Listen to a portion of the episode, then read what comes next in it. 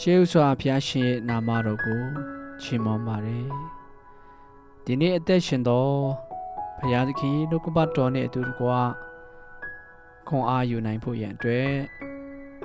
ကို့အကြောင်းသူတစ်ပါး၌ဒုက္ခမရောက်ပါစေနှင့်ဆိုတဲ့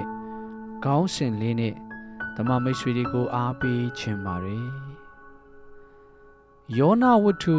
အခန်းကြီး1 အပိုက်ငယ်ခုနှစ်ကိုဖတ်ချင်ပါတယ်။နောက်တဖန်သူတို့ကလာကြအဘေသူဤ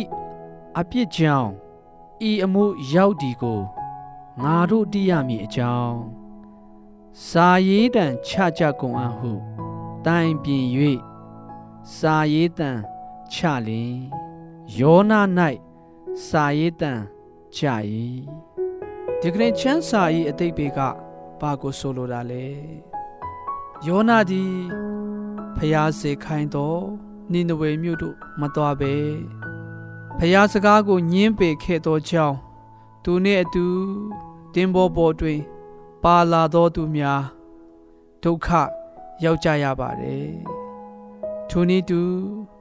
ကျွန်ုပ်တို့၏အသက်တာထဲတွင်ဖျားစကားနားမထောင်ခြင်းကြောင့် မိမိနဲ့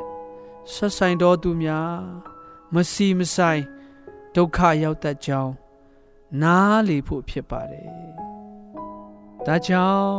မိမိရဲ့အသက်တာကိုစမ်းစစ်လက်ဂယုစိုက်တင်ပါတယ်။တို့ဖြစ်၍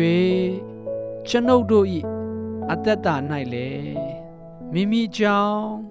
သူတစ်ပါးအားထိခိုက်မှုမရှိဖို့ရန်အတွက် ဆင်ခြင်ရမည်ဖြစ်ပါတယ်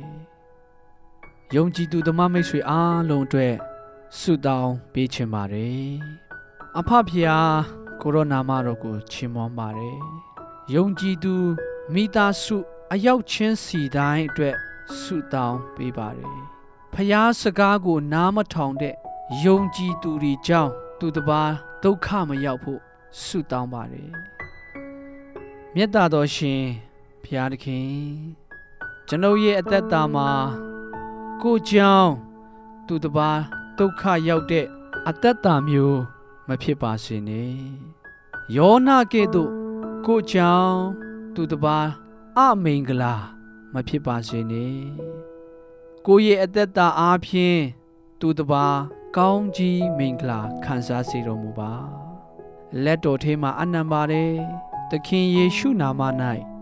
ယိုတည်စွာဆုတောင်းပါ၏ဖျားအာမင်